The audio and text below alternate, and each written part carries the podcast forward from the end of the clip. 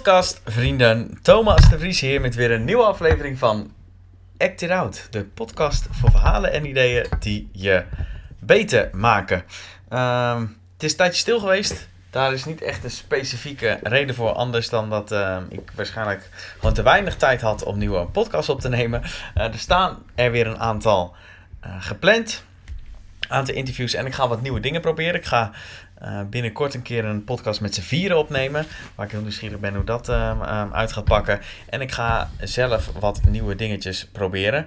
Ik heb vaak ehm, concepten in mijn hoofd waarvan ik denk dat ik ze redelijk uh, snap en begrijp. Maar als ik ze dan vervolgens ga vertellen aan iemand, dan ehm, blijkt dat toch misschien niet helemaal het geval te zijn. Dus wat, wat ik dacht, ik ga gewoon de komende tijd een aantal onderwerpen die ik heel interessant vind, ga ik uitdiepen, ga ik over nadenken. Uh, ga ik mee bezig. En als ik uh, denk dat ik het ook fatsoenlijk weet over te brengen, dan ga ik er een uh, podcast aflevering van maken. waar vandaag de eerste van is. En voordat ik vertel over welk onderwerp ik het ga hebben. Als je je nog niet geabonneerd hebt, dan zou ik het te gek vinden als je dit nog even doet. En voor alle mensen die sowieso de podcast via Apple luisteren. Ehm, je zou me een groot plezier mee doen als je eventjes naar, bij de aflevering naar beneden wil scrollen om uh, vijf sterren te geven. En als je helemaal de held van de dag wil zijn, even een recensie achter te laten. Um, dat helpt me namelijk om hoog te komen in die charts van um, Apple. En dat is chill. Dus dat. Als laatst, ik waardeer jullie natuurlijk nog altijd, nog steeds. Oké, het onderwerp van vandaag. Um, flow. En nou, daar heb ik het wel vaker over in de podcast. Ik zal zo uitleggen uh, voor degenen die nog niet weten wat het is. Maar ik zal eerst vertellen hoe ik uh, bij het onderwerp kwam. Ik uh, had op mijn telefoon gekeken. De nieuwe iPhone heeft zo'n um, functie waarbij je kunt zien hoeveel uur per dag je op je telefoon zit. En tot mijn verbazing en eigenlijk verbijstering was dat ongeveer 4,5 uur per dag. Dus 4,5 uur per dag dat ik op mijn telefoon zat, waarvan de nummer 1 app was die uh, het meest gebruikt werd, Instagram. Um, nou goed, dat is niet oké. Dus uh, wat eerst wat ik gedaan heb, is mijn Instagram verwijderd. Um, maar wat er toen gebeurde, dat was nog misschien al wel gekker. Namelijk dat ik um, als alternatief voetbalnieuws ging zitten kijken. Nou, dat heb ik al echt jaren niet gedaan, want eigenlijk interesseert het me helemaal niet uh, naar welke nieuwe clubs voetballers gaan en uh, of ze wel in vorm zijn of niet in vorm zijn. Maar ik zat het dus meerdere malen per dag te doen. Dus op een gegeven moment zat ik, uh, nou ja, weer een nieuw artikel te lezen dat ik bij mezelf dacht, waarom in vredesnaam zit je voetbalnieuws te luisteren? Nou, ik kwam uit bij Flow. Um, en toen ik me er weer in ging verdiepen, besefte ik maar weer eens hoe belangrijk het is. Um, dus ja, die podcast is eigenlijk om uit te leggen um, wat Flow is en wat je ermee kunt. Maar vooral dat ik het weer terug kan luisteren op het moment dat ik weer vergeet hoe, uh, hoe belangrijk het is.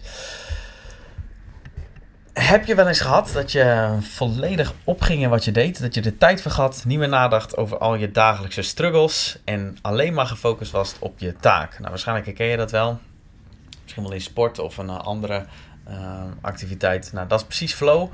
En daar heeft, uh, komt die Michael Csikszentmihalyi een boek over geschreven. En hij luistert flow uit in een simpel figuur. Nou, dat is een beetje lastig, uh, omdat ik alleen audio heb om het uit te leggen. Maar het is een soort van grafiekje waarbij je op de horizontale as je vaardigheden hebt. En op de verticale as de uitdaging. En als de uitdaging groter is dan je vaardigheden, dan wordt het te veel. Dan raak je gestrest. Um, en als de uitdaging kleiner is dan je vaardigheden, dan vind je het al snel saai worden. Nou, het simpelste voorbeeld is skiën als je als beginner van een zwarte piste afgaat, dan uh, is dat te veel. En dan, nou ja, dan raak je gestrest. En als je als ervaren skier uh, de kinderweide afgaat, dan vind je er ook geen kut aan. Maar waar de uh, vaardigheden raken met de grootte van je uitdaging, daar kan flow ontstaan. En hoe je dat in het boek omschrijft, is als volgt. Komt in het Engels. A joyous absorption in the now, a loss of self-consciousness, a state where time is altered, and all but the present falls away. Dus ja, je, je, volgens mij zegt dat je het nu bent, je niet meer zelfbewust bent en waar tijd geen rol meer speelt. En alles behalve het nu wegvalt. In lijn met ehm, nou ja, die definitie is er ook ooit een slimme Rus geweest. Die heette Led Ja, zo spreekt het goed uit. En die onderzocht wanneer kinderen het best leren. En hij noemde, noemde ehm, nou ja, de, het gebied waar mensen kinderen het best leren, de zone of proximal development. En hij stelt dat uh, kinderen bij simpele taken niet leren omdat ze deze al beheersen. En aan de andere kant leren kinderen ook niet wanneer ze de taken te complex zijn, omdat ze dan gefrustreerd raken. Dus kinderen leren best als ze taken doen die ze zelf bijna kunnen, maar waarbij nog enigszins uh, sturing nodig is. En wat mij betreft lijkt dat verdacht veel uh, op flow. En als laatste Steven Kotler, die is een uh, onderzoeker die onderzoekt wat flow doet met topsporters en atleten. Dat heeft hij opgeschreven in het boek The Rise of the Superman. En hij kwam erachter dat als je in flow zit, dat je dan vijf neurotransmitters aanmaakt. Uh, ik weet ze niet allemaal, maar het zijn bijvoorbeeld serotonine, endorfine, non-epinephrine. Ik weet niet hoe het in het Nederlands zegt, maar in ieder geval neurotransmitters die je, je beter maken. En diezelfde neurotransmitters worden ook aangemaakt bij het gebruik van bijvoorbeeld uh, wiet, cocaïne, MDMA en alcohol. Nou, ik heb geen idee hoe de staat van zijn heet als je al die drugs tegelijk gebruikt. maar in flow zorgen die neurotransmitters in ieder geval voor dat je letterlijk op je best bent. Dus hij beschrijft dat je dan het meest creatief bent, het meest analytisch en het meest gefocust. Uh, oftewel de optimale prestatiemodus. Nou goed, nu weet ik, uh, toen wist ik, toen dat had, uh, opnieuw had gelezen, wist ik weer waarom flow zo belangrijk was. Je bent dit nu, je leert snel en bent letterlijk op je best. En zonder daarvoor je neus te hoeven poederen, zeg maar. Best cool, toch? En bij een aantal activiteiten die ik doe, ervaar ik flow zonder hier wat voor te hoeven doen. Dat heb ik bijvoorbeeld bij rennen of als ik een uh, interessant gesprek met iemand heb, nou, dan ben ik de tijd zo kwijt. Alleen is dat niet echt interessant, omdat ik uh, juist graag flow wil bij activiteiten waar het niet automatisch gaat. Bij taken waar ik of verveeld of gestrest raak. Ja, bij mij is het niet echt stress, maar meer een overweldigd gevoel. Weet je dat je door het bomen het bos niet meer ziet um, als je een nieuwe taak begint bijvoorbeeld. Met als gevolg dat ik dus mijn telefoon pak en als kopingsmechanisme voetbalnieuws ga zitten kijken als ik geen Instagram op mijn telefoon heb. Zo besefte ik dus ook dat mijn telefoon niet de oorzaak van het probleem was. Um, ja, dus hoe kom je dan in flow als het niet uh, automatish gaat? Nou, Csikszentmihalyi van het boek Flow die stelt dat er twee voorwaarden zijn om in flow te komen. Um, allereerst een duidelijk doel. En even kijken of de podcast nog loopt. Ja, die loopt nog. Oké, dus één, een duidelijk doel. En twee, directe feedback. En toen ik dat las, dacht ik, oh ja, dat wist ik ook nog wel. Um, training geven is bijvoorbeeld zo'n flow activiteit bij mij. En dat nou, komt waarschijnlijk omdat er een heel duidelijk doel is. Namelijk dat ik iets wil overbrengen aan iemand.